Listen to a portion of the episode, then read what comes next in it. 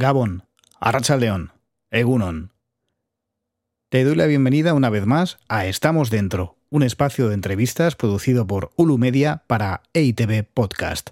Tiene periodicidad semanal y una versión en euskera llamada Barruan Gaude, dirigida y presentada por mi compañero y amigo Oyer Aranzábal.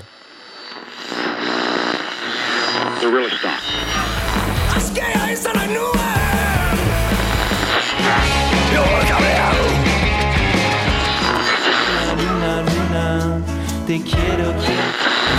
Erraten ikasi nahi dut Este canto de sirena.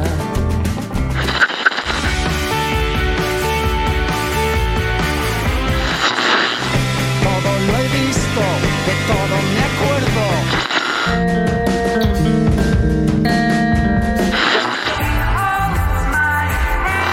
Chairman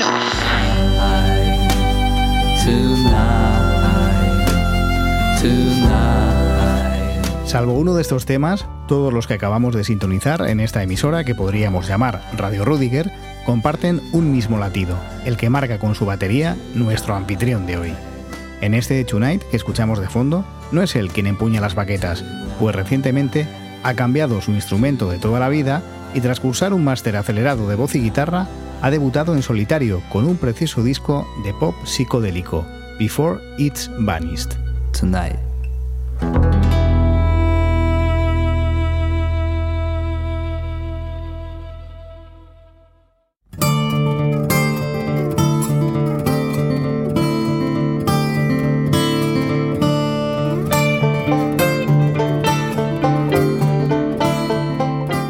Soy Juan G. Andrés y hoy, en Estamos Dentro, accedemos a la casa de Félix Rudiger Buff.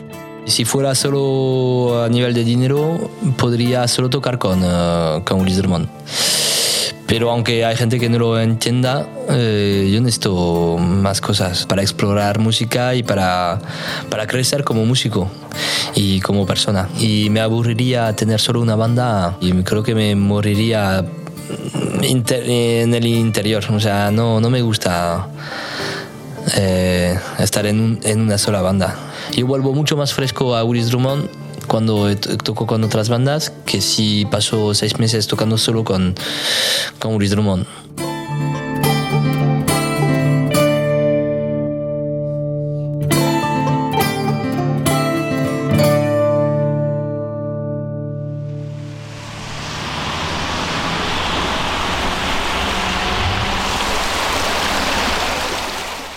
Varios días de lluvia, el riachuelo que discurre paralelo a Itzea baja crecido.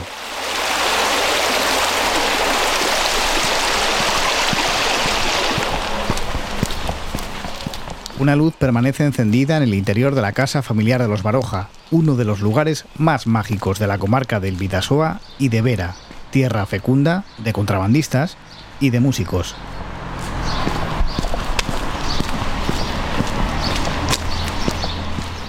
A medio minuto a pie se encuentra la céntrica plaza de Alzate, donde me he citado con Félix. Aquí le he visto tocar infinidad de veces en varios de los muchos proyectos musicales en los que ha estado y sigue involucrado. Apa, Félix? Apa, Salvador. Ondotazo?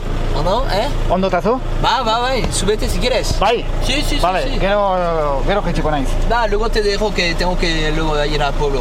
a comprar. vale. ¿Qué tal? Pues muy bien, ¿y tú? Vale, compartes. Bai, horixe? Bai. Bai, abeltzen, eh? ¿Qué va, va, va? ¿Estás ahí? Dago batzen, eh? Ah, son dos. Hola, uno, dos, uno, dos, hola. Hori da. Qué guay. ¿Todo bien, no? ¿Todo bien? ¿Va? Sí, sí. No, ya te digo, lo, de, lo del retraso de antes, ni ningún Buah, problema, es que porque... se me ha ido la olla y, y estaba buscando como, pero yo pensaba a, las 5 y a las 17 y las 15, pues no sé, te he respondido algo y no sé. Sí, pues nada, ya no te está. preocupes porque eh, mis, mis suegros viven aquí, entonces Ah, me, he vale. vuel- me he ido a currar a, a casa un rato y Ah, ya pues está. muy bien, tenías para ocupar el tiempo, ¿no? Olvida. Mira, esto es el, el almacén de Peña Ah, izquierda. vivo. aquí mismo es. Eh, a la izquierda, sí. Pues voy a venido andando. Ya. Epa, Caixo. La vecina, Ya. a ver. Joder, vaya sitio. Uf, está muy guay, ¿eh? Y luego vas a ver la huerta, y todo, te enseño un poco. Yo cre- creo que la mitad de los entrevistados que, que, que han pasado por este programa ti- tienen huerta. ¿Tiene huerta? Sí. Es- está de moda, es, es trendy. Con pandemia, Sí, es que estás que en sí. casa. La, la verdad que no, nunca lo hubiera hecho sin, sin estar en casa y hemos empezado y ahora igual mm, seguimos un poco el, el ritmo de antes y se va al pique, pero bueno. Bueno, pues vale, venga, vamos allá. Es intentar. Bueno, Eh, vale, pongo la, la mascarilla. Quiero decir que aquí vi- vivís eh, seis, seis familias diferentes, o sea, es un caserío. Seis pisos, sí. Son seis pisos. ahí, ah. ¿Tenía nombre este caserío antes? Se, se llama Peña Borda. El Es caserío. Peña Borda. Vale.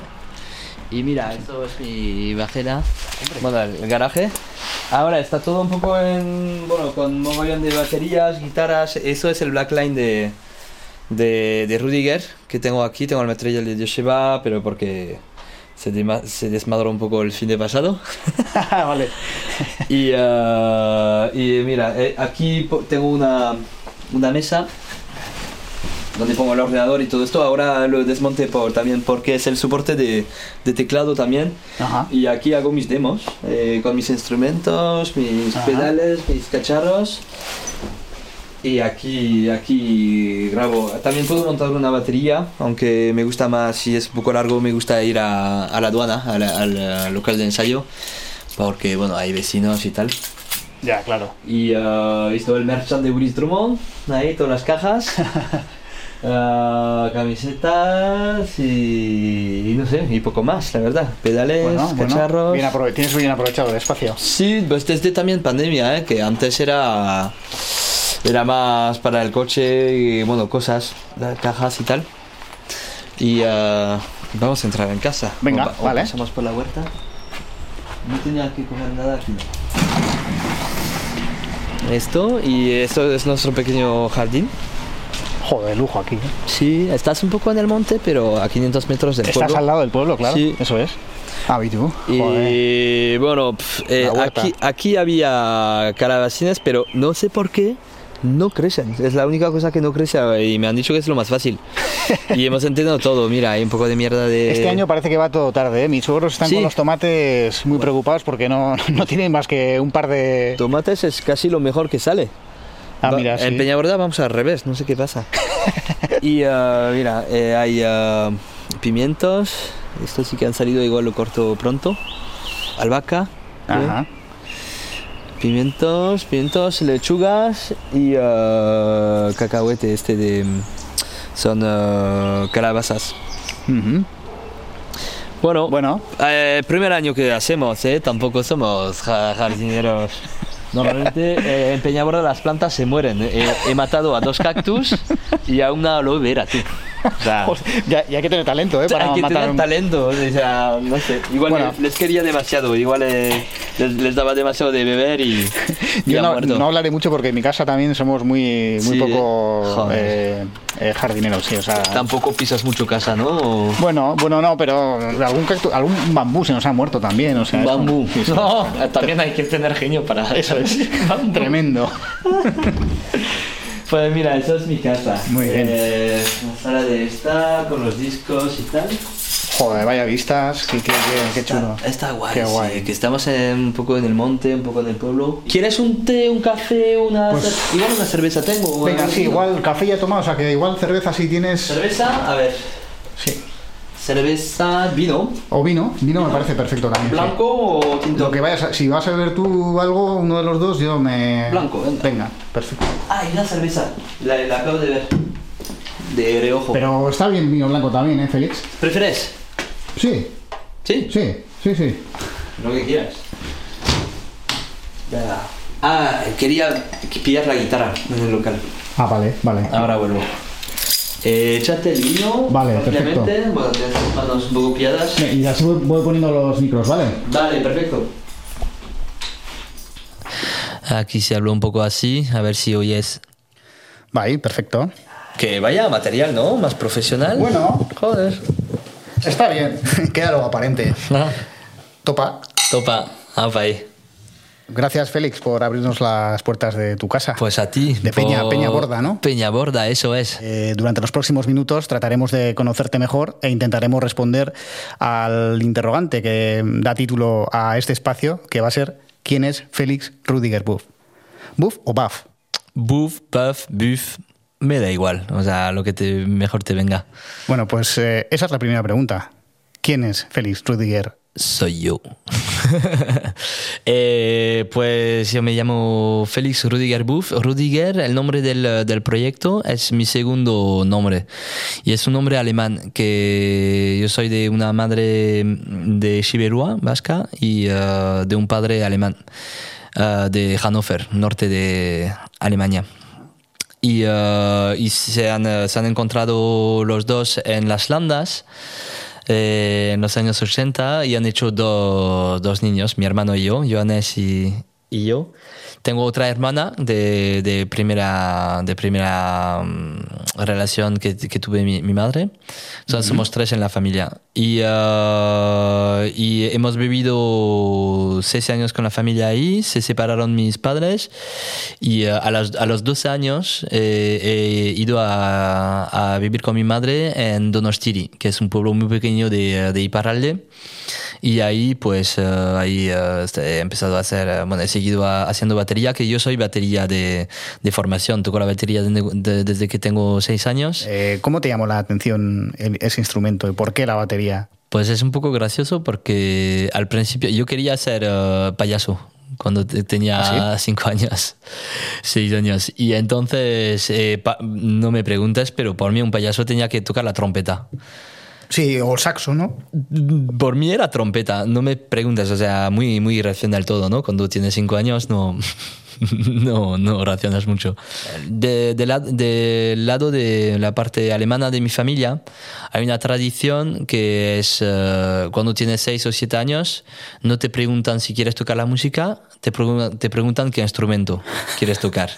Porque son de una familia un poco burguesa alemana, entonces todos los, los hermanos de mi padre, mis tíos y tías, tenían una, una banda de familia clásica. Entonces mi padre tocaba la flauta travesera, mi, uh, mi tía el violín, uh, la otra el, la, la, viola, el cello, y entonces cada año hacían un concierto familiar y uh, tocando una pieza para, para, familia y era como, vale, pues algo natural en, en la familia. Y mi padre pues uh, siguió la, esa transmisión y esa tradición familiar y, uh, y, nos pregunta nos preguntó qué instrumento queríamos tocar. Y mi hermano eligió la, la, guitarra y yo, la, yo en principio quería la trompeta, pero eh, había que saber solfeo. Y, uh, y, y, yo no quería, no quería aprender solfeo, entonces directamente como, bueno, eh, la batería que no hace falta. Me dijeron, sí que hace falta, pero bueno, por ti, que eres un poco duro de cabeza, vamos a intentar sin eh, solfeo y, y directamente a la batería a ver qué tal y parece que bien, que me, que me gustó mucho, entonces me, me, me, han dejado con la batería y luego a lo largo he tenido que, que aprender solfeo, eso sí, como, lo, bueno, ya hace 10 años o así empecé a hacer una formación de eh, como arreglista en, en, el Conservatorio de las Landas. Ajá. Y entonces ahí sí que he tenido que recuperar un poco de nivel de, de uh, solfeo, de armonía, de escribir partituras y escribir la música para entenderla, entenderla mejor pero de pequeño no quería oír de nada de esto, quería tocar directamente y, y, ya está. Y por eso, por eso he empezado con la batería. ¿Y qué temas eh, recuerdas haber tocado en primer lugar o qué, qué tipo de cosas tocabas? Vas a flipar. Yo, la, el primer concierto que tuve de, de, mi vida ha sido igual con ocho años o nueve. Eh, he invitado a mis vecinos que vivíamos en las Landas, en una casa, pues, pues yo soy, yo soy del campo. O sea, vivíamos en una casa perdida en las Landas, en un pueblo de 500 habitantes que se llama Gurbera. Y uh, los vecinos de, de atrás, eh, solo había dos casas. Eh, pues los, los, vecinos de al lado, me acuerdo de haberles dicho como, vale, venir a, a la gambera, al desván, al desván de, de casa y voy a hacer eh, una canción, voy a tocar una canción. Y puso el radio cassette a tope y me acuerdo haber eh, tocado la, la canción de Cranberries, Zombie. Sí. Ah, in, sí. in your head, in your head, ¿no? What's in your head? Tum, paca, paca, tum, tum,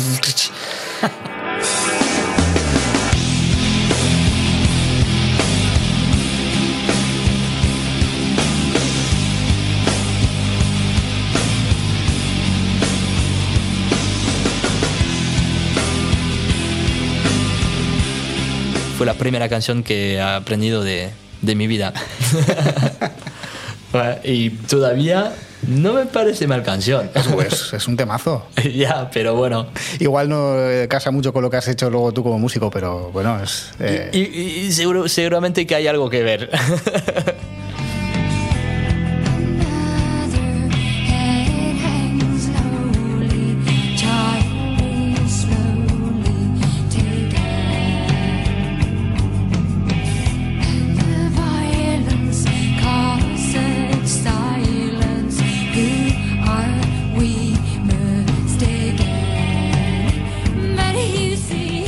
Llegas, te, ins- te instalas en, en Iparralde, ¿no? A los 10 años. A los 12, 12 años. Sí. Mm, ¿Cuál es tu eh, primer contacto con la cultura vasca? O... Ah, yo me acuerdo del eh, sentimiento cuando mm, hemos llegado a casa de, eh, de mi madre en, en Donostiri. Eh, tenía vistas a- al monte. O sea, era, era el valle y había tres montes eh, eh, donde vivíamos y co- conectado directamente con la, con la tierra, o sea, con la telúrica, no sé, con la energía de- del sitio, como, vale, por fin estoy en casa. Es, un, es algo que... Y hasta hoy en día no tengo ninguna... No tengo familia en las landas, no tengo ninguna atadura, no tengo ningún amigo de la escuela, no tengo ningún... Es que fue como... No, no estábamos súper a gusto tampoco. eh, Como, vale, estamos ahí, pero no, no hemos hecho mucha raíz porque mi padre era alemán y mi madre de vasca. Entonces, no sé, algo no pasó en las landas. Pero cuando, eh, cuando he venido a, vi- a vivir en, ah, en Euskal Herria, en, eh, en eh, Iparralde, pues fue como una evidencia, como, vale, esto es mi sitio. O sea, aquí puedo existir y me siento bien. Y entonces, eh, antes de la cultura, ha llegado este sentimiento del lugar. De, De pertenencia. De pertenencia a un, a un lugar, a, una- a un sitio.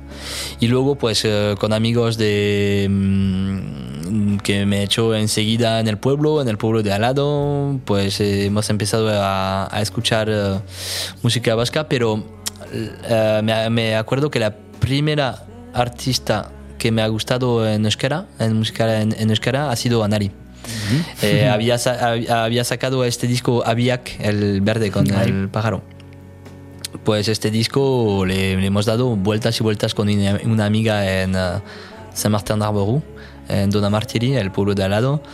Y, eh, y vuelta y vuelta y me, me fascinaba esto y ha sido mi puerta de entrada para, para la música en euskera.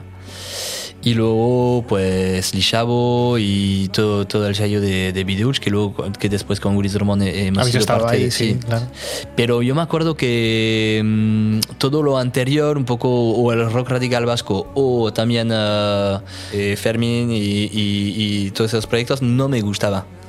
Lo, eh, lo he descubierto más tarde, eh, yendo a Negoalde, escuchando en bares y ya relacionadas con otra cosa y conociendo también a la, a la gente que tocaba en esas bandas, a Miquel Casalis, a, a, bueno, a Fermín, a, bueno, a los, de, los que eh, eran parte de, de esas bandas.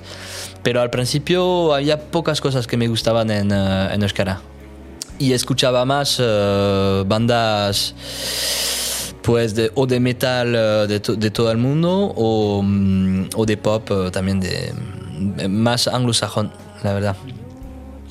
Y, todo toda la música independiente de los 90 o sea lo- los Breeders eh, yo la tengo todo lo que y también todo lo que puedes encontrar en, mi disco. En el disco de Rudiger es un poco todas esas, esas influencias que al final no he encontrado una banda con quien toco para, para meter eh, esas influencias.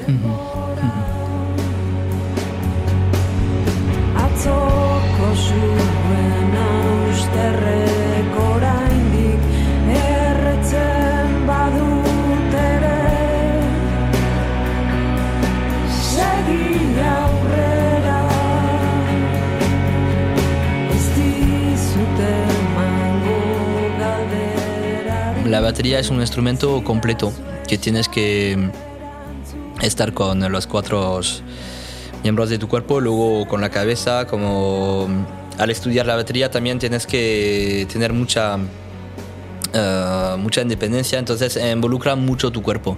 Es un instrumento, fí- un instrumento físico, eh, un poco cerebral al principio, muy cerebral y, y muy, y muy físico a la vez. Entonces es como... A veces cuando entras en el bucle y estás... A, a mí me ha pasado tocar 7, 8 horas de batería al día cuando estaba estudiando y, y muchas veces entras en trance, como en bucle, y es algo adictivo. O sea, meterse en un, en un rollo muy muy animal, un poco como, vale, entras y, y es un poco, estás eh, medio bailando en, ta- en tu silla y entras en, un poco en trance con el, con el, con el tiempo, con el tempo. Y eh, entonces esto me gusta mucho, me gusta mucho esta faceta del instrumento, que de momento con la guitarra me cuesta más entrar en esto porque eh, no, he- no he to- tocado tanto la guitarra, no es mi instrumento, todavía no tengo mucho nivel. Y, eh, y esto y la batería sí es mi primer amor en, en música y yo creo que voy a, seguir, voy a seguir tocando la batería siempre. O sea,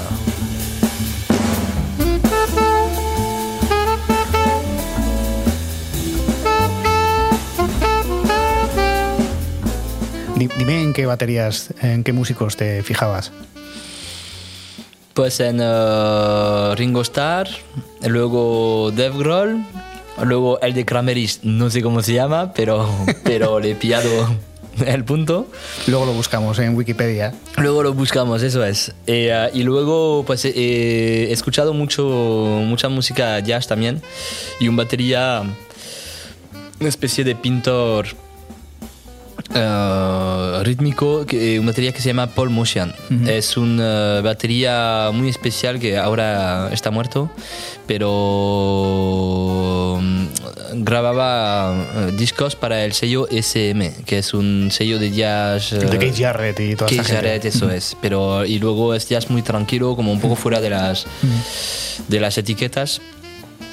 Y, eh, y este me, fue mi puer- puerta de entrada en el, eh, en el jazz. Y luego, O sea que jazz también tocas.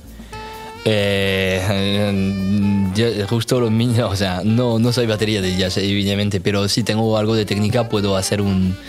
Puedo parecer eh, batería de jazz dos segundos. Pero no, no, no, no. no. He int- he intentado tocar un poco con un trío y no, no era lo mío, para nada. Pues será de los pocos estilos que te toca, que te faltan por tocar, ¿no? Bueno, reggae, reggae es mi, es mi némesis. O sea, eh, eh, es incapaz.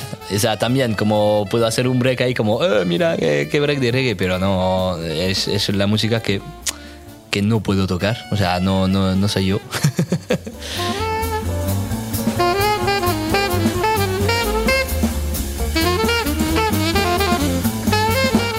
Y, eh, y jazz, pues me, habrá gustado eh, ser batería de jazz, pero no, no había bandas de jazz en Euskal Herria. Más fácil encontrar una banda de, de rock o de, o de metal que de, que de jazz por aquí. Y fue precisamente en una banda de rock de Bayona donde Félix encontró acomodo hace ahora 15 años. Willis Drummond se llama aquel grupo que todavía hoy es uno de los valores más sólidos de la música vasca.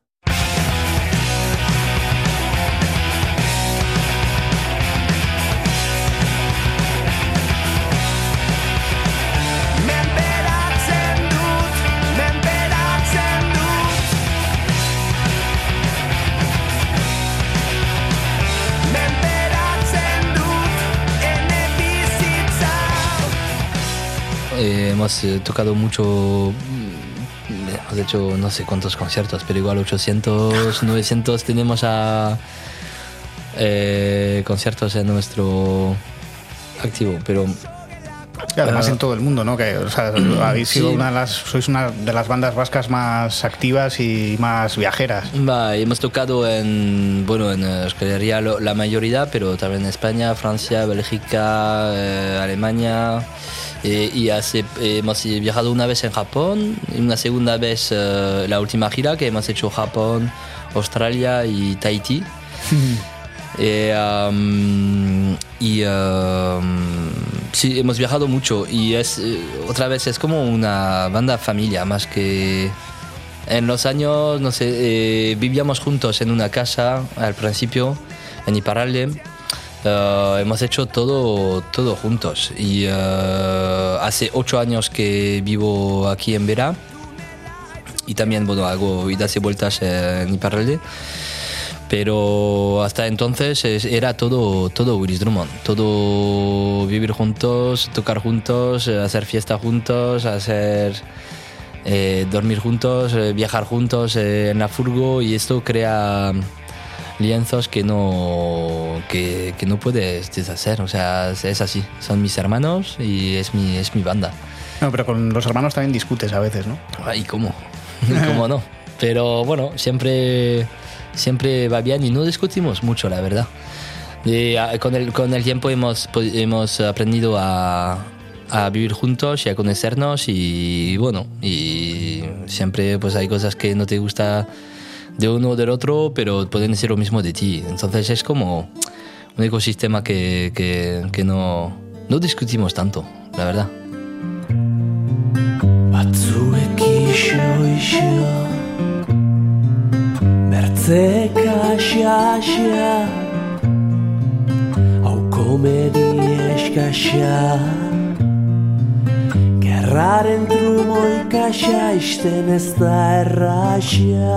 Ahora escuchamos a Joseba Irazoki, quien por cierto es el autor de la sintonía que abre este podcast. Desde hace años, Félix es uno de los más asiduos colaboradores del músico Veratarra, que también es culpable de que nuestra batería se mudara al municipio navarro. Y Yosheba es así, es como, no es de ensayar mucho, es de, vale, pues vamos a hacerlo, pues haciéndolo. Y es más, me, me ha enseñado a improvisar, escuchar bien, escuchar lo que está pasando en la música y, y conectar con el momento.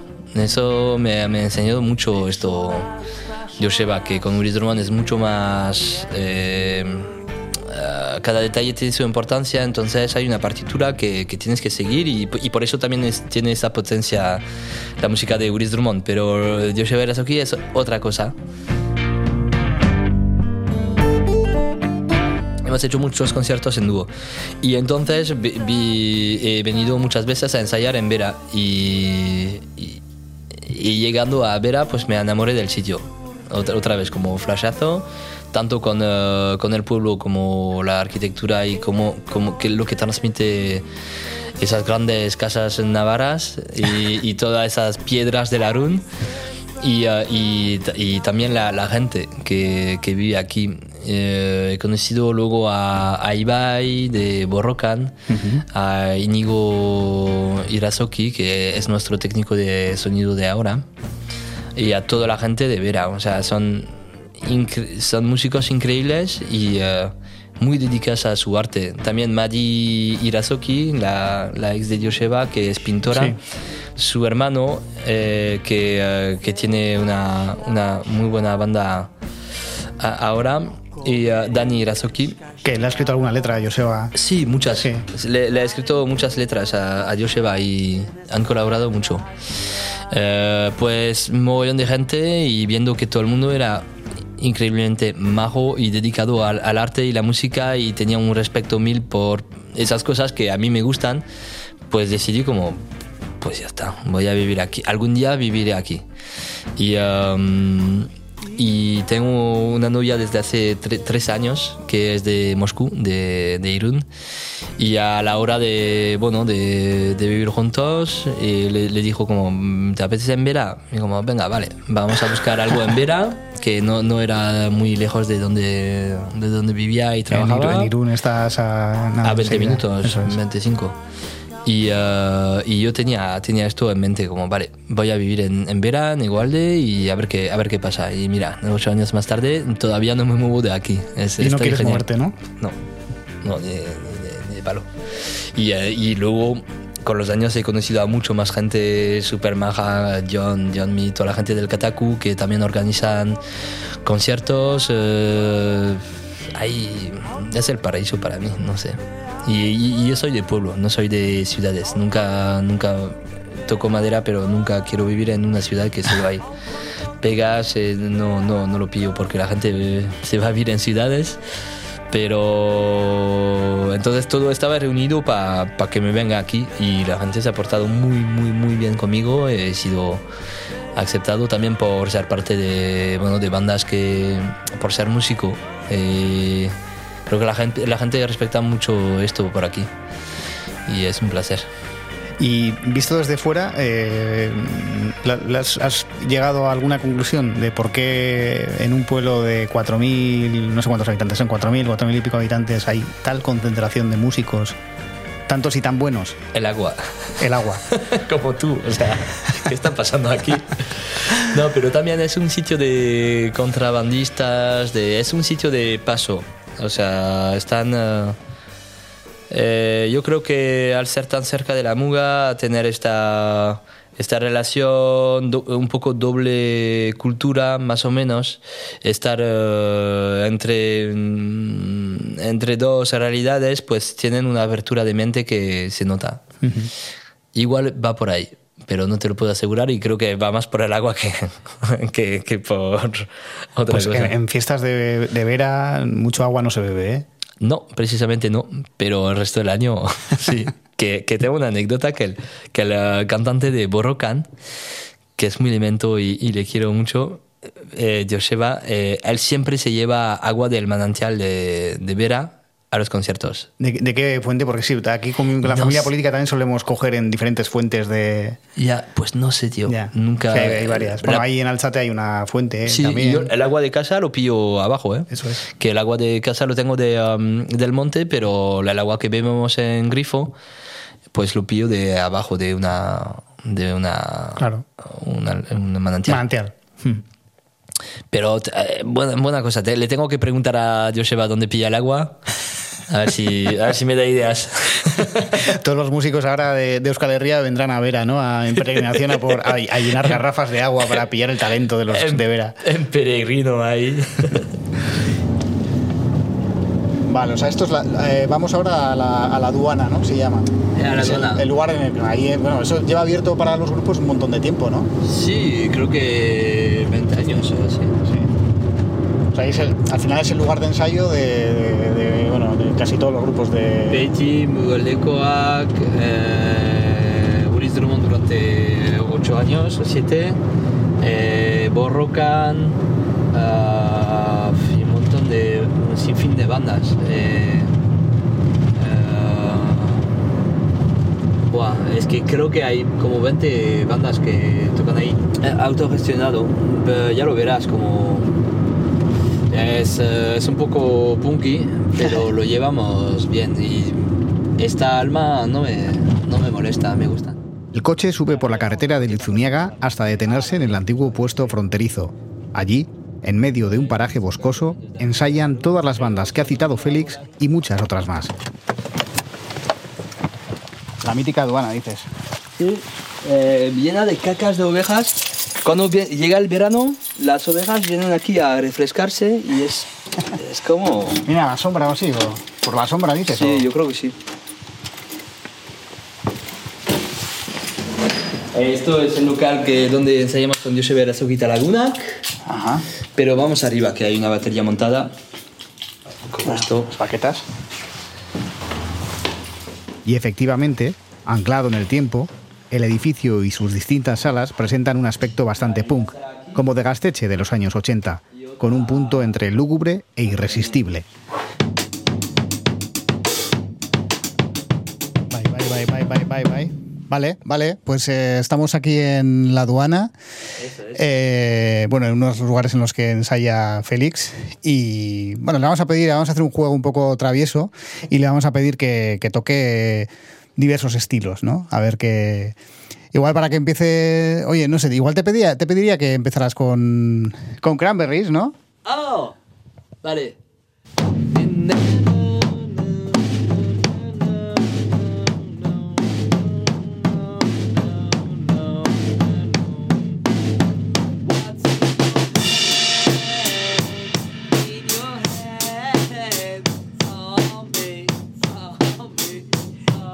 Ahora, ahora Félix, ahora, eh, no sé, alguno de los grupos en los que empezaste, no sé si estos de un poco metaleros, Ah, Mon- Monarch.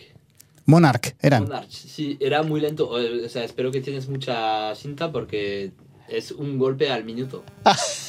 Te lo juro. Era como. ¡guay! Guitarra, guitarra, guitarra, acople, acople, acople, guitarra, acople, acople.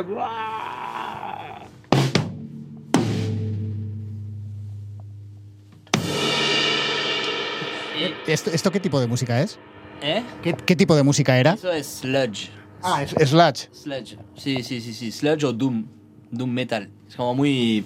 Muy fuerte, grave y lento. Sea, muy, muy lento. Es como una canción de metal, pero estirada a, a 20 minutos.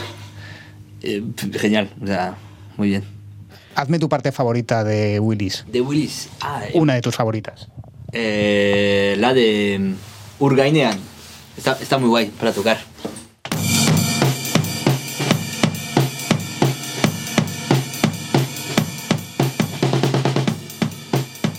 Ahora, pues no sé, algo más popero. Pero, pues vamos a Medication o qué? Vale. Medication de Rudiger. De Rudiger.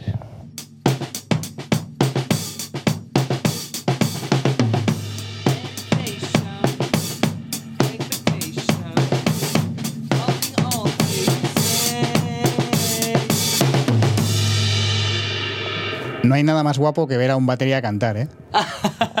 pues no sé yo.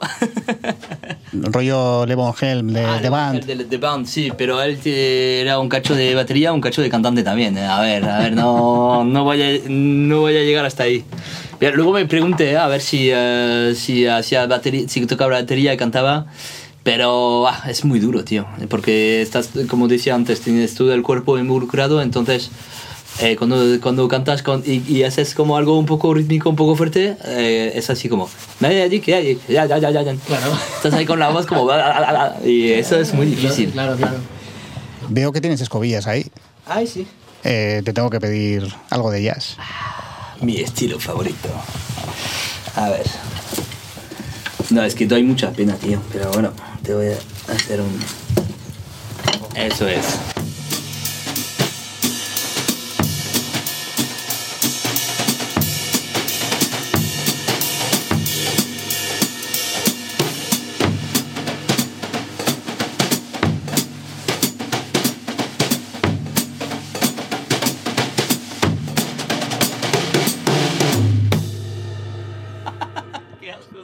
Después del swing que nos ha mostrado Félix, eh, vamos a pedirte ya que nos despidamos con tu estilo imposible, el reggae.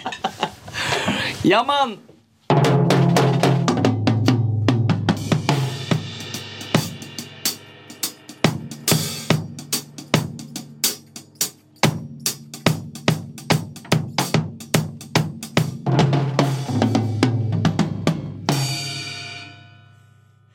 Te lo había dicho, ¿eh? ¿Qué tal? Oye, yo lo he visto que está, lo escucha muy bien. Qué majo. Un poco de bugalú ahora.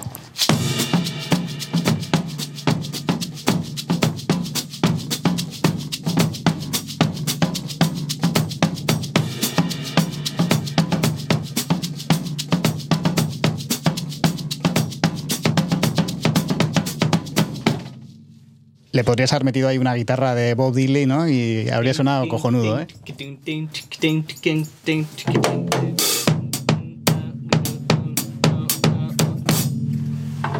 Muy bien, Félix. Bueno, es que ni casco, ¿eh? Por Eh. hacerme tocar...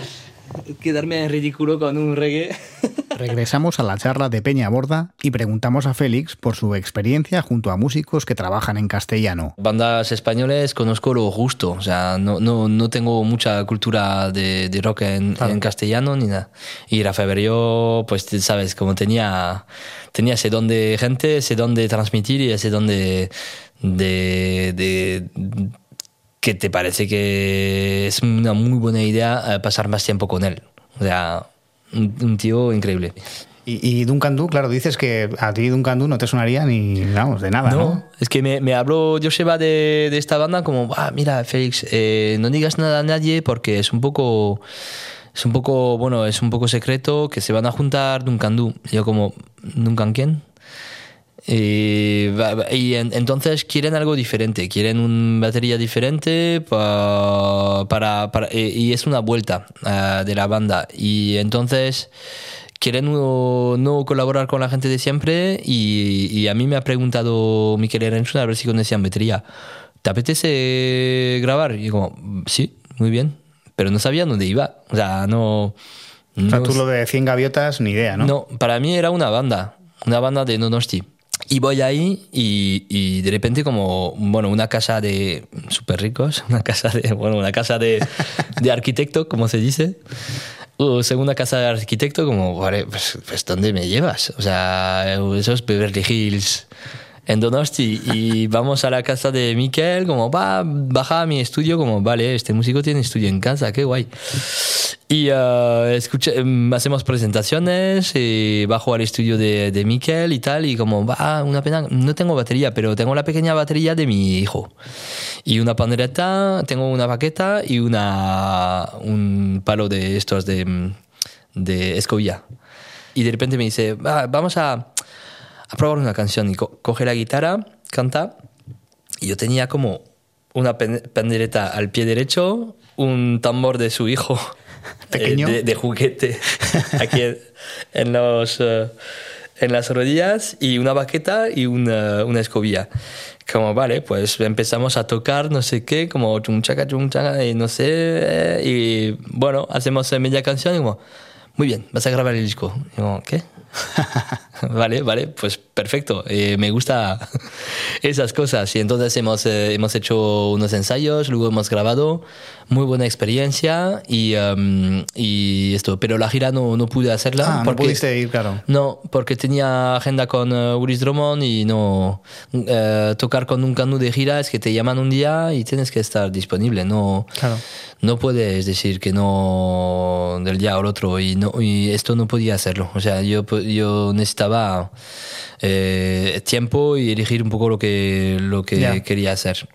Entonces, pues una pena, no he hecho la gira, aunque me presionaron un poco con, con baterías y tal. Y, um, pero bien, eh, todavía tengo muy buena onda con, eh, con Miquel y me, y me ha invitado también eh, en un disco Corazones, un disco suyo Mm, sí, hizo, que hizo después, sí. mm, dos años más tarde, creo, en Cádiz, en donde Paco Loco. Y me, me, me invitó a tocar la batería también para, para unas canciones. Entonces, bueno, seguimos en- con buena onda. No le veo casi, na- casi nada, pero, pero si nos cruzamos en Donosti en un, eh, en un spa ahí de la, de la concha, pues me saluda, fijo. También nos interesamos por las diferencias entre ser músico en Euskal Herria o España y serlo en Francia. Eh, Girar en Francia es mucho más profesional. Eh, hay salas más... eh, hay más dinero en cultura, hay más ayudas. eh, tenemos eh, este estatu de, estatuto de intermitente de espectáculo. Eh, toda la parte administrativa la tengo en Francia. Yo, yo vivo en Francia. O sea, Ah, tri- y tributas en Francia y todo. Sí, yo tributo en Francia y aquí es como segunda vivienda. Ajá. Y, eh, y entonces es mucho más profesional, mucho más... eh, eh, ¿Cómo decir? Eh, cuidado eh, por lo bueno y lo malo. Y tengo que decir, porque a veces eh, te encuentras en sitios grandes con eh, mogollón de equipo, con mogollón de, de mm, eh, un sitio muy profesional, que suena bien, que hay muy buen equipo, pero lo que falta es el bar dentro del, ¿sabes? Eh, el bar dentro de la sala. O sea, ambiente. Que, y muchas veces lo- las salas de conciertos oficiales están fuera de, un poco fuera de la ciudad. Es más, es más eh, que vas a ver un espectáculo que vas a un concierto de rock o de, o de pop ahí con, con vida, como, como se puede vivir en el Cafanzoki de Bilbo. O Sí, en el Daba en el hay- el Bukowski. Eh, mogollón de salas. Y eh, entonces hay un ambiente un poco diferente, la gente es un poco más tranquila, por lo menos con las bandas con quien he, he, he toca- he tocado por ahí. Y, eh, y España en general es más rock and, rock and roll. eh, y son- también son sitios privados que, que necesitan la barra para, para montar conciertos. O sea, el concierto también es una excusa para pasarlo bien, hacer una fiesta y, eh, y estar, estar con, con los amigos. Son dos ambientes un poco diferentes, aunque, aunque también en Francia hay, hay sitios underground y, y- y donde Claro. te lo pasas muy bien, pero no es las giras que, que he hecho. Eh, por ejemplo, dorme- dormimos en hoteles, dormimos en... eh, es muy profesional. O sea, cosas que vives en España cuando tienes una banda... ¿Dó- ¿Dónde, De dormís, dónde dormís aquí? Ah, no lo voy a decir. Lo mejor no dormir, ¿eh? claro, claro, claro, claro. No, pero no, no sé cómo decirlo. Eh, pues aquí... En, en casa del promotor igual, ¿no? Sí, a veces. sí, eh, cuando vas a España vas en casa del promotor o una pensión o algo. Algo que siempre es el punto de pelea, como, vale, hay un sitio para dormir, vale, bien. Eh, donde no hay ratas, donde, donde hay agua, sí, vale, guay. Eh, pues es un poco diferente. Estoy exagerando un poco, ¿eh? pero, pero es un poco esa vena. Entonces la diferencia sí está, está un poco ahí. Eh, luego, pues yo disfruto de tocar con todo el mundo. O sea, tengo la suerte y toco madera que, que no, nunca he tocado en una banda que no me apetecía, donde no me apetecía tocar. Y he tocado con 25 bandas igual en toda mi vida, entre las bandas de paso, las bandas de más, eh, más eh, eh, constantes. Eh, no te puedo decir con quién con quién prefiero tocar, eso no existe en mi mente. Es que necesito todo para encontrar un equilibrio que un, un día me apetece, me apetece tocar con una banda muy tranquila y el, el día siguiente o el misma noche, como se me ha pasado más veces, ir a un concierto de Bruce Drummond y darle todo, darlo todo y necesito los dos. Necesito tocar pop, tocar eh, música ambiental, tocar eh, pf, eh, rock eh, más clásico, ahora con, con Rudiger guitarra y, voz y no sé, me gusta la, me gusta estar en, eh, en ámbitos diferentes y me aburriría tener solo una banda, me aburriría mucho y creo que me moriría en el interior, o sea, no, no me gusta estar en, un- en una sola banda. O sea, no es algo que hagas eh, obligado un poco por las circunstancias, ¿no? Por el hecho de tener que eh, tocar eh, con mucha gente para que te salga un sueldo al fin de mes. No, la verdad que con Ulis Drummond eh, tenemos un sueldo. Sean eh, no toca con otras bandas que Ulis Drummond y tiene, tiene un sueldo a- al año. Entonces nos apañamos. Si, si fuera solo a nivel de dinero, podría solo tocar con, con Ulis Drummond. Pero aunque hay gente que no lo entienda, eh, yo necesito más cosas para, para vivir a, a otro nivel y para, para explorar música y para, para crecer como músico y como persona. O sea, necesito todas es- esas experiencias. Y creo que al final eh, eh, enriquece mucho también a Ulis Drummond que, que toquemos eh, Yurgi y yo en otras bandas. Sean también toca con Agustín Alcat, pero no tiene mucho concierto, pero, pero sí que, que tiene otra banda.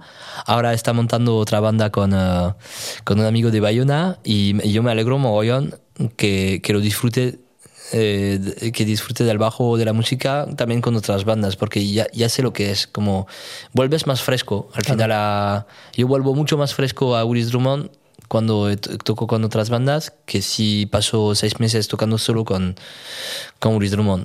Volverás con más ganas, eh, con más ideas y, Sí. como dices tú, más fresco. sí. Más fresco y por ejemplo pues una banda como Petit Phantom pues me enseñó un poco el mundo de los eh, sintetizador- sintetizadores.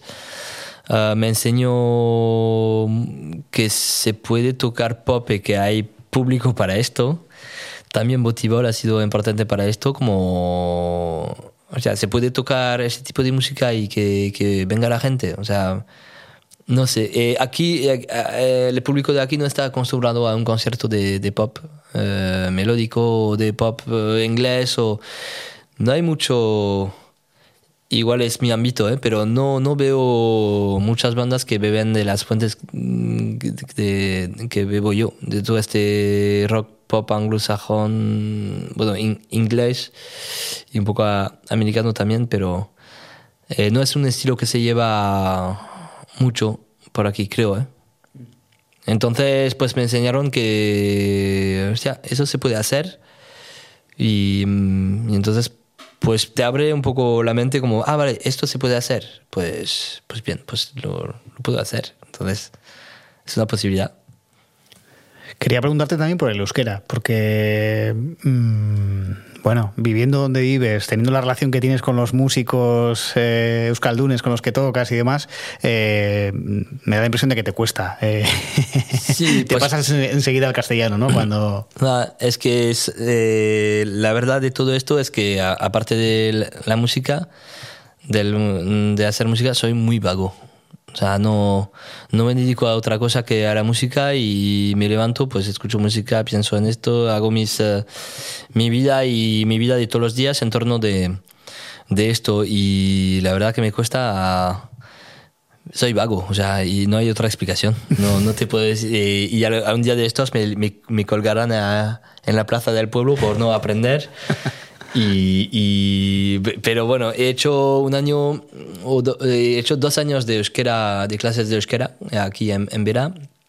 Y luego un mes entero en Lascaux, que me ha. en, en, eh, en, un, en Castaldi. Y, um, y uh, me, ha, me ha abierto un poco bueno, el nivel, pero el euskera, si no, lo, si no lo trabajas, no te viene. Y lo quiero hacer, pero requiere mm, espacio mental también.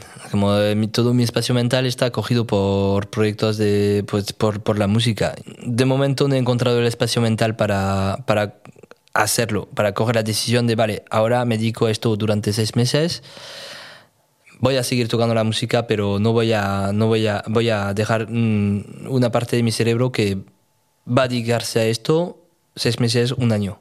Y seguro que con esto ya me apañó. Y No, porque en principio Vera parecería un sitio idóneo, ¿no? Para poder... lo escucho todos los días. Claro, y, por eso. Y, y yo soy lo peor, porque al final cuando empezó a hablar en castellano, pues es una conversación entre 10 personas que paro. A eso me da mucho asco y, y me doy mucho asco en este en, eh, en- con- en esos ejemplos. Pero bueno, no tengo excusas y cada vez que si me preguntas miro mis manos, estoy aquí como, "Meh", como, "Ya", estoy un poco incómodo con el tema, pero es lo que hay. Vamos a sacar otra cerveza. Venga. Sí se habla. Vale, más o menos. Vale, voy a tocar Did You Ask for This?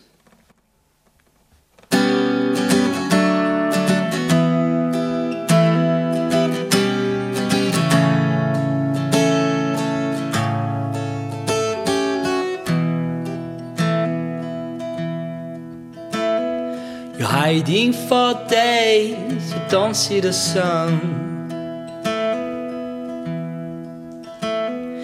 Being a shadow of all that is gone. It's shock and awe to own what is dying. A bright song good that no one is buying.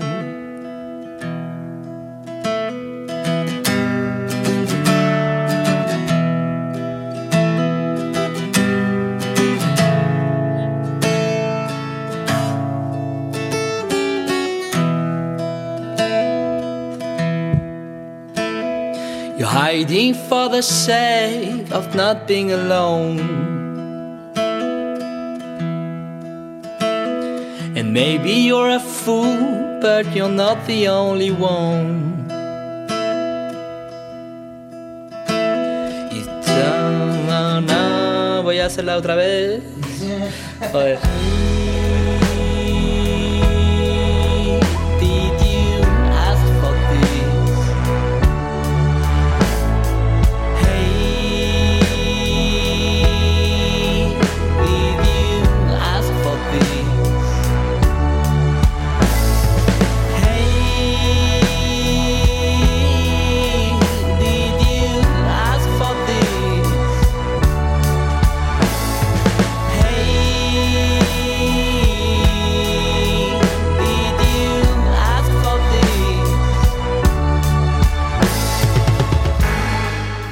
Esta es una de las ocho maravillas del primer álbum que Félix presentó como solista a finales de 2020 bajo el nombre de Rudiger.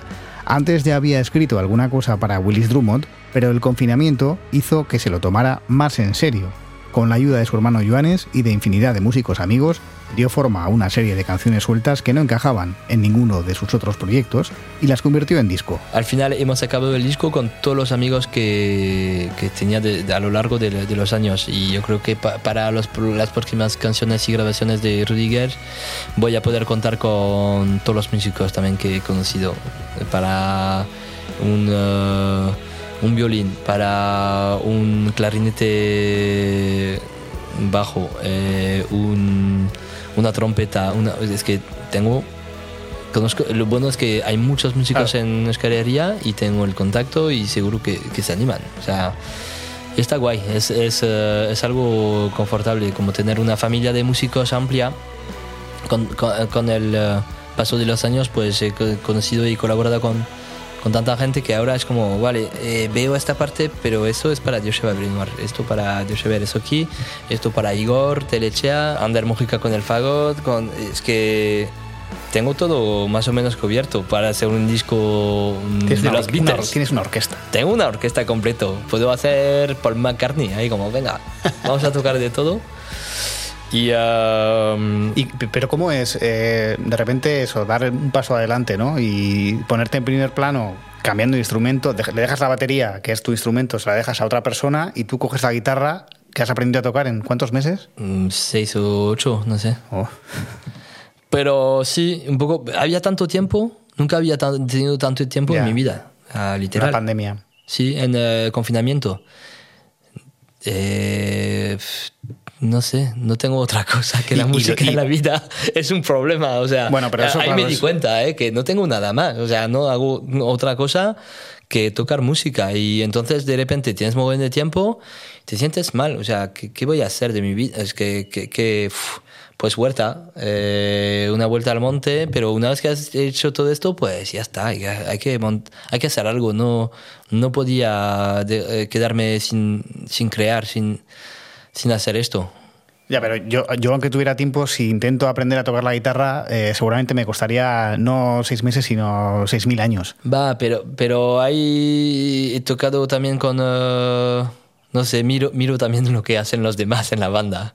Como tocas la batería, pero estás ahí como al loro de, vale, esto, esto es un re, esto es un la, esto es un mi, y tienes internet, tienes... Y, y también he estudiado armonía, he estudiado música, he, estudiado, he estudiado un poco una base de qué es un acorde, cómo se construye una canción, eh, cómo se escucha esto, no sé, es como es un todo.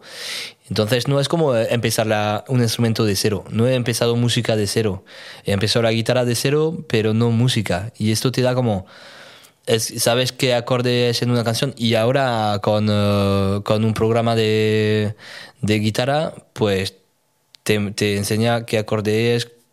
Mm, es- Puedes sacar una canción ya, ya, de ahora hay todo en internet o sea si quieres si quieres los acordes de, de una canción sin poder descifrar los acordes pues alguien te los marca en internet y entonces pues coges la guitarra y como eh, eh, eh, y poco a poco como hay mucho tiempo pues eh, toca, he tocado 5 o 6 horas al día y como pero por aburrimiento. Y estaba guay, porque ha sido otra vez retomar un instrumento. Y eso he, he- he tomado un placer que no veas. O sea, ha sido guay eh, volver a sentirse niño en, en este, en ese aspecto. Como batería, pues ya, ya controlo más o menos. No soy el mejor batería del mundo, pero si quiero hacer algo, me lo miro y me sale. Guitarra no, la guitarra es eh, dolor y, y- y aprendizaje y, Y- tiempo. callos en la- en los dedos, ¿no? Tío, todavía mira mis dedos. Sí, sí, o sea, tienes, tienes. Y, y vale, una cosa es esto de la guitarra que estamos hablando, pero luego la voz también. No habías cantado nunca. Creo No. que eh, hicimos una entrevista eh, hace unos meses en, para el Diario Vasco y, y me comentabas que algunas de las tomas que aparecen en el disco son la- las, las primeras veces que cantabas en tu vida, vaya. Sí, Al margen de hacer coros, que me imagino que, que habrás hecho en otras bandas, ¿no? pero muy poco, ¿eh? Muy poco y el primer coro que he hecho de mi vida igual ha sido con Petit Fantôme. En una canción ahí como, bueno, igual puedo hacerlo, dame un micro.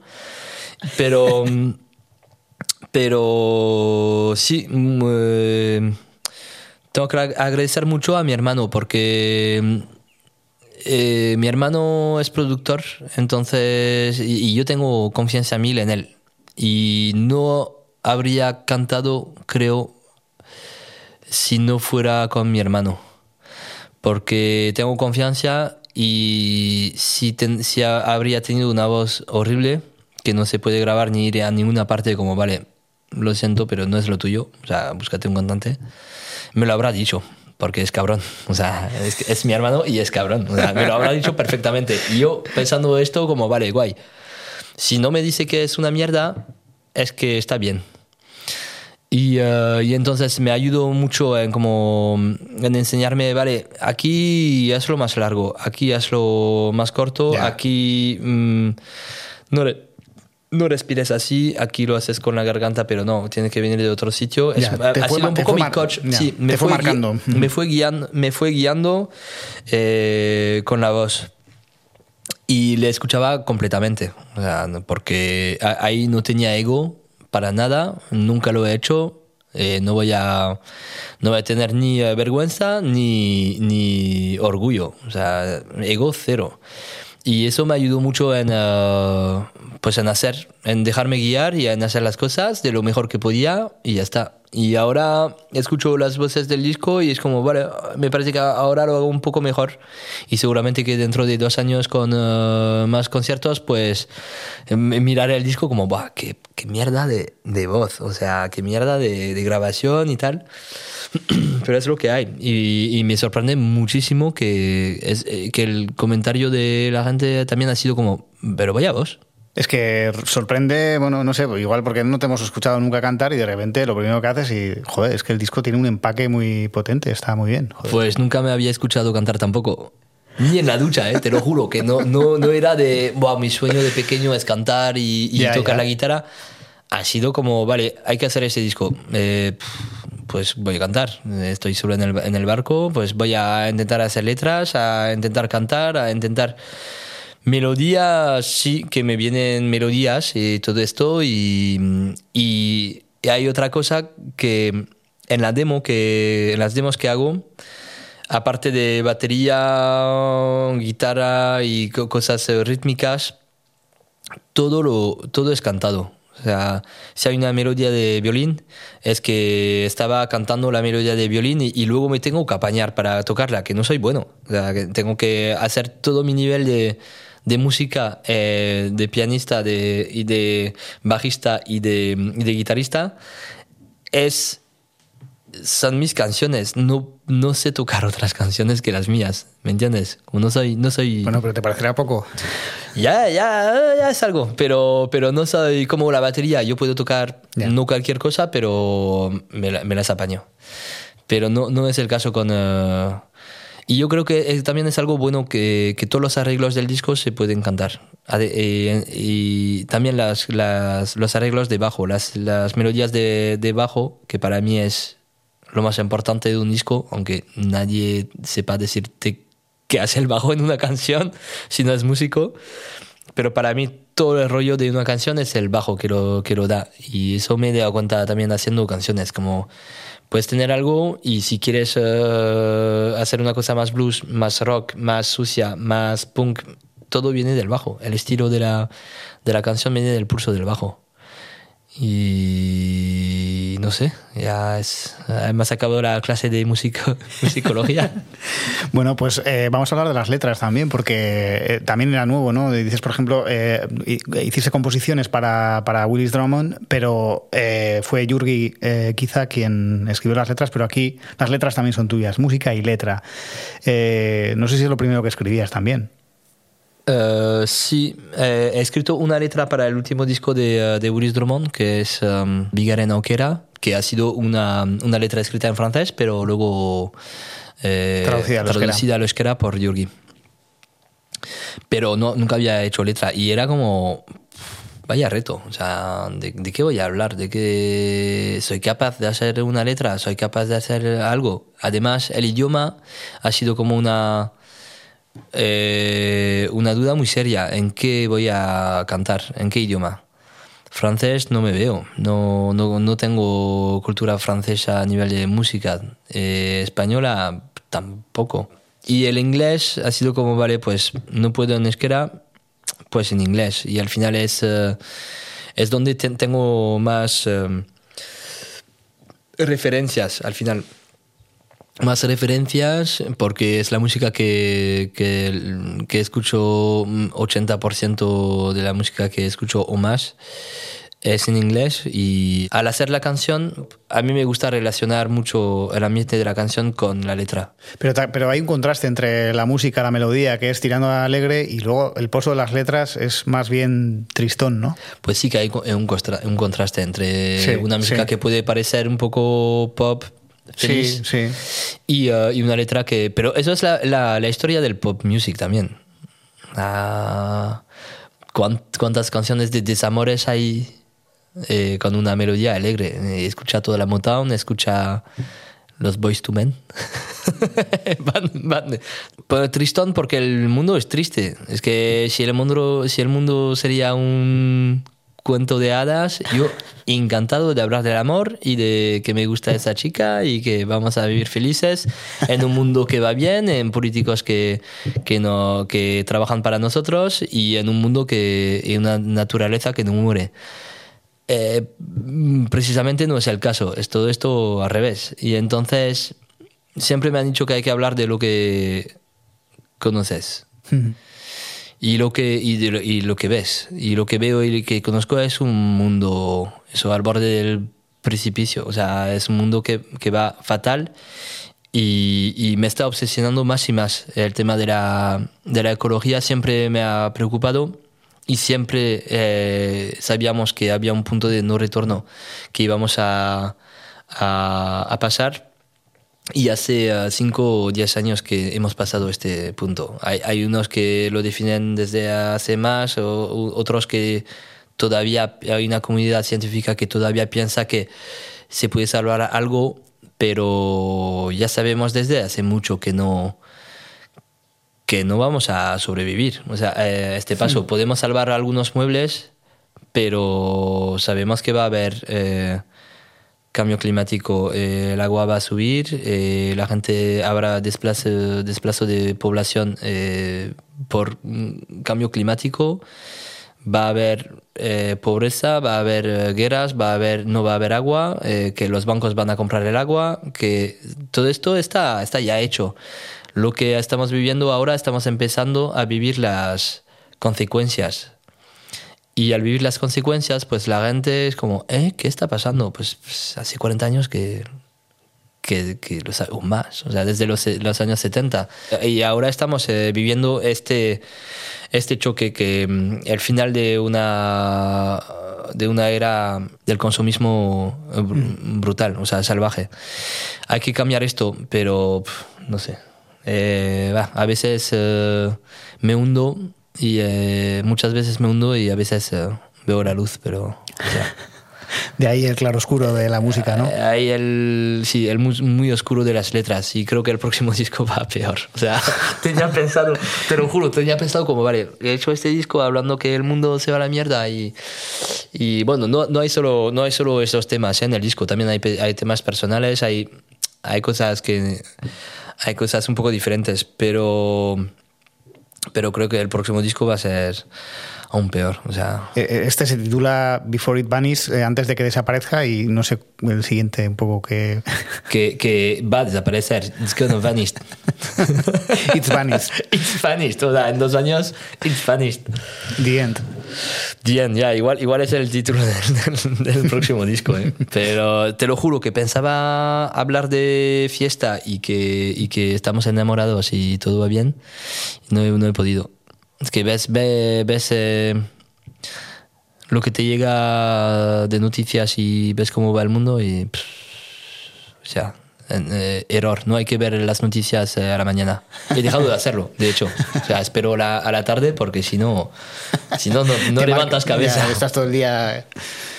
Bueno, a ti por lo menos, mira, te ha servido para toda este- esta última temporada para aprender un montón de cosas y, y- y bueno, pues eh, ¿no? le has sacado rendimiento y, joder, Pues sí, sí, sí, sí. Pandemia al final, eh, que es también una, una consecuencia del, capitalismo, que estamos, eh, eh, estamos entrando en, sitios salvajes y entonces se nos pega nuevos viruses y... y, ah, pero bueno, la consecuencia de esto, pues me he quedado en casa, he tenido tiempo para descansar, he, saca- he hecho un disco y bueno, está, Está guay, sí, aprovechando de cada situación. Hay que aprovechar de, hay que sacar lo bueno de cada, cada situación también. Eso, eso, eso hay que hacerlo. Bueno, pues al final, Félix, eh, eh, rompes un poco el tópico ese de- del batería que, del, del que hablábamos al principio, ¿no? De un tío ahí enclaustrado, ¿no? Que se limita, que no es poco, pero que se limita a llevar el ritmo y, y poco más, ¿no? Tú eh, eres batería, pero también eres guitarrista, eres cantante, eres letrista, haces un montón de cosas, ¿no? Los baterías también son músicos. Claro. ¿Lo dudabas? No, yo no. Mucha gente sí. ¿eh? Me- me- Pero es un, sí, es un tópico, pero es verdad. Como normalmente, como no tienes eh, que hacer eh, acordes, melodías, no metes la cabeza en esto. Pero no, no es mi caso, que eh, siempre me ha, me ha gustado aprender la música y, ver un poco más allá. Y, por eso hizo tres años de, formación de musical para, para tocar al final mejor la batería y entender más un tema, lo, lo que... Y ahora la buena cosa es que toco ahora la guitarra con un batería y la movida es que es, ha, sido un poco raro al principio, como, "Buah", pero eh, estoy aprendiendo mucho de la batería también tocando la guitarra. O sea, lo que molesta cuando, bueno, Carlos nunca molesta, o sea, es un tío, Carlos Arancegui es un batería excepcional, nunca molesta nada y siempre está donde tiene que estar y, y es un flipe. Y eh, entonces tengo la suerte de tocar con... ya, es que no te, él. no- te has puesto a cualquier batería, ¿eh? No, no, eso no. Pero era un poco reto, como, vale, ¿le voy a dejar en paz al batería que va a tocar conmigo? Y al final no he tenido que, que hacer de, de poli, porque Carlos ya, ya es increíble. Entonces, eh, seguro que me sirve también tocar la guitarra para tocar la, la batería y simplificar unas cosas, eh, pillar donde hay sitio y donde no, donde, ¿sabes? Siempre aprendes de, de la música. Es infinito. Muy bien, Félix. Pues eh, espero que la próxima vez que hablemos eh, sea pues a cuenta de un disco de, de jazz o de, o de reggae. No, eso no, tío. Nunca voy a poder. O sea, Bueno, no- nunca digas nunca jamás. ¿eh? Eso es, no, Porque que- igual hace igual un año y medio, dos años, no habrías dicho que ibas a sacar un disco tú cantando y tocando la guitarra. ahí lo tienes, ahí lo tienes. Pues Rudiger, Rudiger Buff, eh, solo un proyecto, Afro Project. Vamos, vamos a ver. Da- Dub System, ¿eh? Le pedimos ayuda a System. Fermín y... Totalmente, igual, igual, igual sí. Eh, no hay que decir que no. Bueno, Félix, eh, es que ricasco Bueno, Juan, un por placer, la charla ¿eh? y por eh, el vino y la cerveza. Joder, pues un placer. Muchas gracias Bye. y que, que te vaya bien. Bye, O sea, igualmente, urnarte. Y que nos Bye. veamos pronto ya sin mascarilla. Eso es. En los es. conciertos. Y de pie y, y todos bien y a salvo. Eso es. Bueno, agur. Venga, agur. Cerramos aquí el noveno episodio de Estamos Dentro y te emplazamos a una nueva cita la semana que viene. Si te ha gustado, o al menos interesado, suscríbete en ITV Podcast o en tu plataforma favorita. Y siéntete libre también de dejar tus comentarios en nuestras redes sociales. Puedes hacerlo, por ejemplo, mientras suena Breathe, esta joya inédita de Rudiger, grabada durante la entrevista en Peña Borda. Pásalo bien y cuídate mucho. Do you believe that there is something right in this town? Or these two times and the sticks to lungs and memory? Do you believe in second chance? It's never been better circumstance. Do you believe North Korea is the invader? Meanwhile, the Black Hawk adjusts its machine guns laser. The breath of light, the loss of taste. The best attempt to erase the smile on everybody's face. Keeps you busy believing in nothing at all. Makes you feel you lose the power. The worst hangover, but you are only drinking water. It won't be long for us to beg at Goldman's shelter. I never considered myself a man of action. But now it is a pandemic situation. Everybody knows and sees the benefits of a slowdown. There's nothing wrong, and everybody keep the engine on.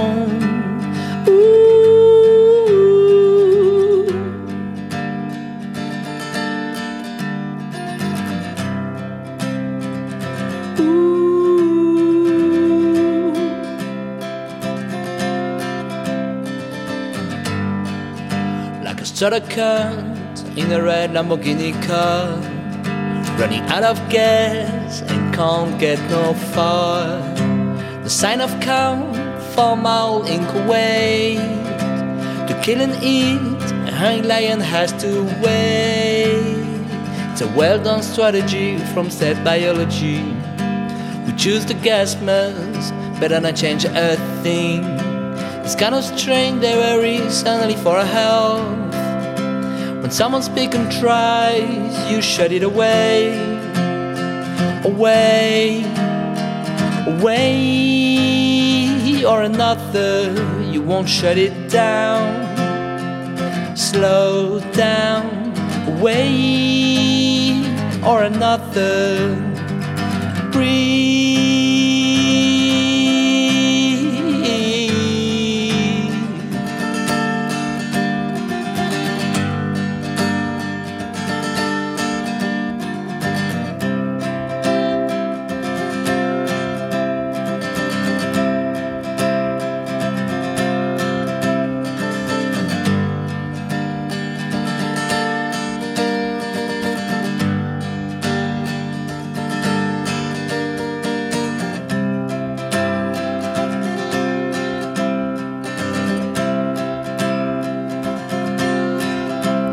Shut it away, away, away, or another. You won't shut it down. Slow down, away, or another. You shut it away, away, away, or another. You won't shut it down slow down, away or another.